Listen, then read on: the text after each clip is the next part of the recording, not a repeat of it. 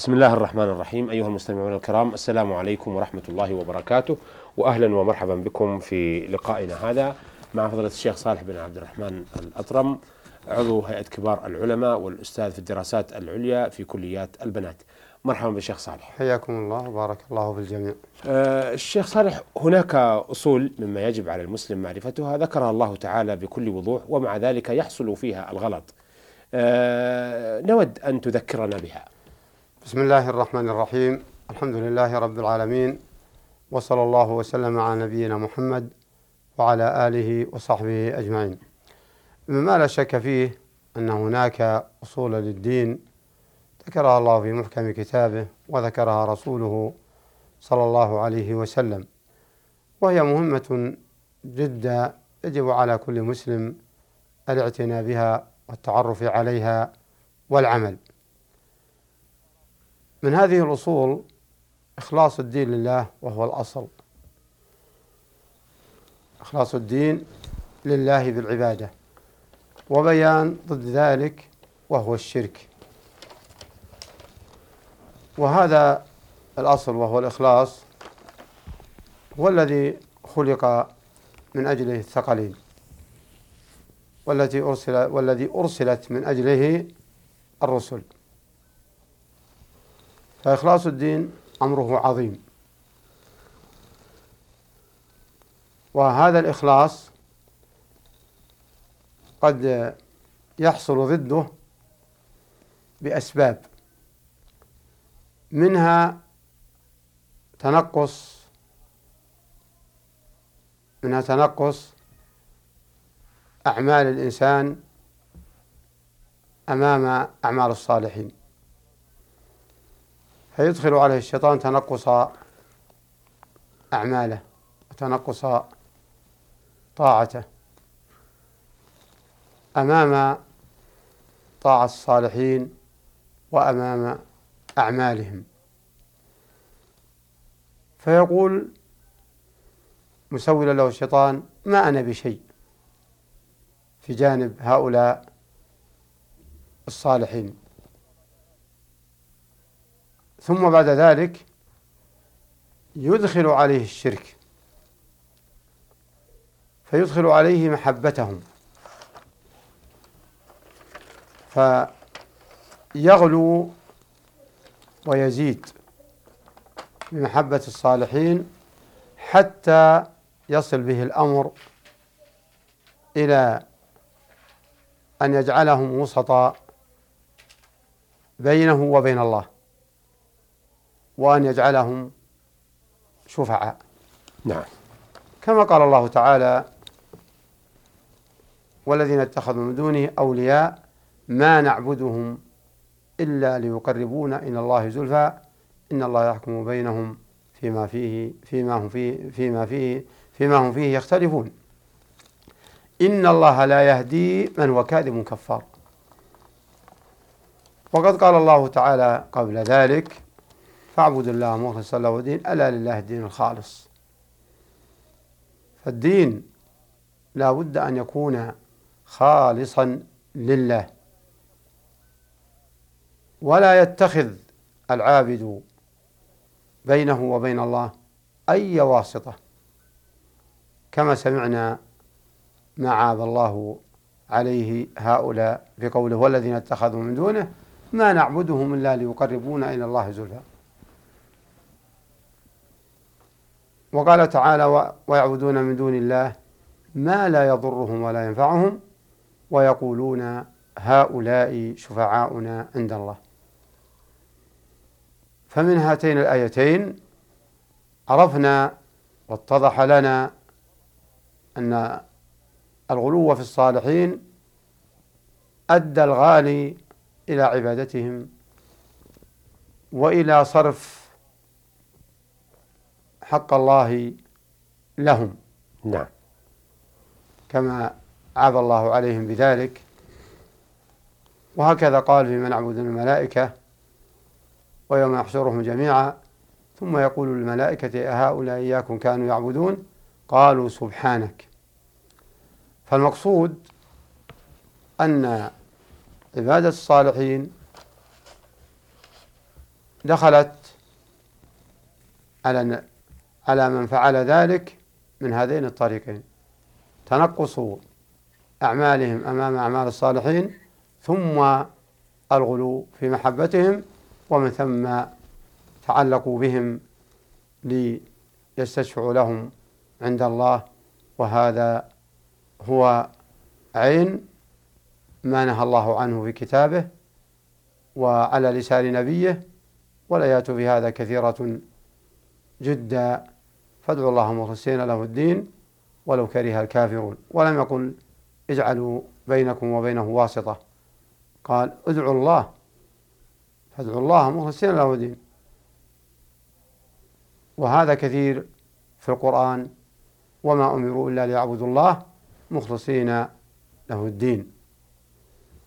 هذا الأصل الأول. نعم. الذي هو وجوب الإخلاص. ومثل الغلو في محبة الصالحين لو غلا بأي أحد كالملائكة كما سمعنا أو صرف للجن شيئا من المحبة والتعلق على أساس أنهم يقدرون. وسواء كان هذا الغلو في الصالحين في حياتهم أو بعد مماتهم وسواء كان هذا التعلق عند قبورهم وهو أشد أو أنه صرف لهم حقا من حقوق الله ولو كان بعيدا عنهم. لكن عند القبور أشد كما سيأتينا إن شاء الله تعالى في دروس أخرى. إن شاء الله. إن شاء الله تعالى. الأصل الثاني الاجتماع.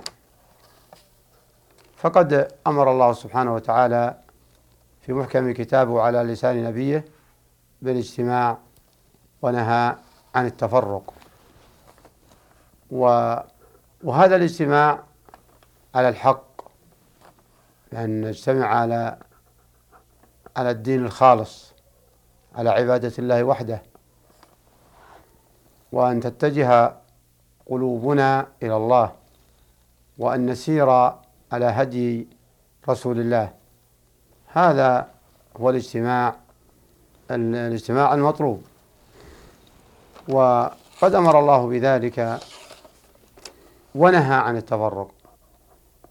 فمن أوامر الله سبحانه وتعالى قوله تعالى واعتصموا بحبل الله جميعا ولا تفرقوا.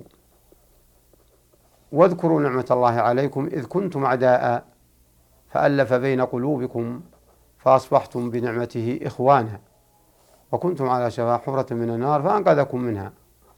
كذلك يبين الله لكم آياته لعلكم تهتدون. ولتكن منكم أمة يدعون إلى الخير ويأمرون بالمعروف وينهون عن المنكر وأولئك هم المفلحون. ولا تكونوا كالذين تفرقوا واختلفوا بعد ما جاءهم البينات وأولئك لهم عذاب عظيم.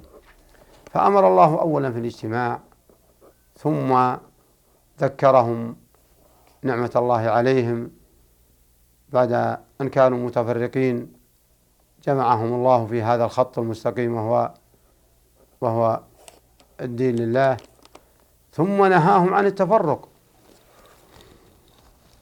و وحذرهم بأن لا يكونوا كالذين تفرقوا من بعدهم من الأمم كاليهود والنصارى وسائر الأمم ولا تكونوا كالذين تفرقوا. واختلفوا من بعد ما جاءهم البينات. وقوله تعالى واعتصموا بحبل الله جميعا ولا تفرقوا هذا أمر من الله سبحانه وتعالى للأوس والخزرج. لما أنهم أرادوا الاقتتال فيما بينهم وأرادوا أن يعيدوا عمية الجاهلية بسبب اليهود الذي أتاهم فذكرهم ما بينهم قبل بعثة الرسول وقبل مجيء الرسول لهم من الحروب والنخوات الجاهلية وقتل بعضهم بعضا فذكرهم هذا. ولما ذكرهم هذا صار للشيطان مدخل. نعم. فقال بعضهم لبعض رضي الله عنهم وأرضاهم لو شئتم أعدناها جذعة. فأخذوا سيوفهم وخرجوا للحرة فأخذوا يتبارزون ويتكلمون. بعضهم على بعض ويعلنون الشجاعة التي كانت في الجاهلية. فعلم بذلك الرسول عليه الصلاة والسلام اللهم صل فخرج يجر رداءه. ما تصرف يلبس رداءه وهو ما يضع على كتفيه وإلا فالإزار عليه لأن كشف العورة لا يجوز.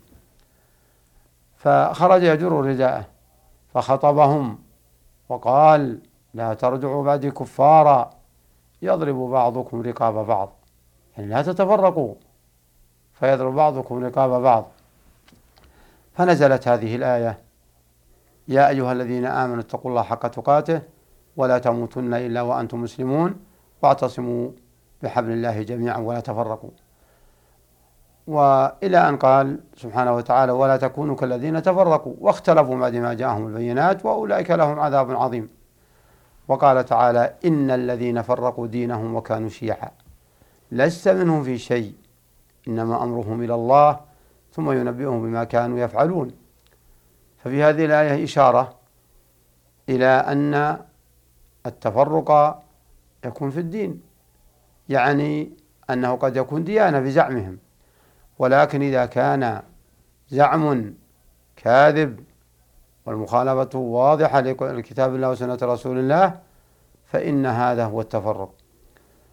و والتفرق في الدين معناه أن يزعم أن يزعم كل واحد بأن ما سلكه دين بما يتقرب به إلى الله ويتخذه ديانة.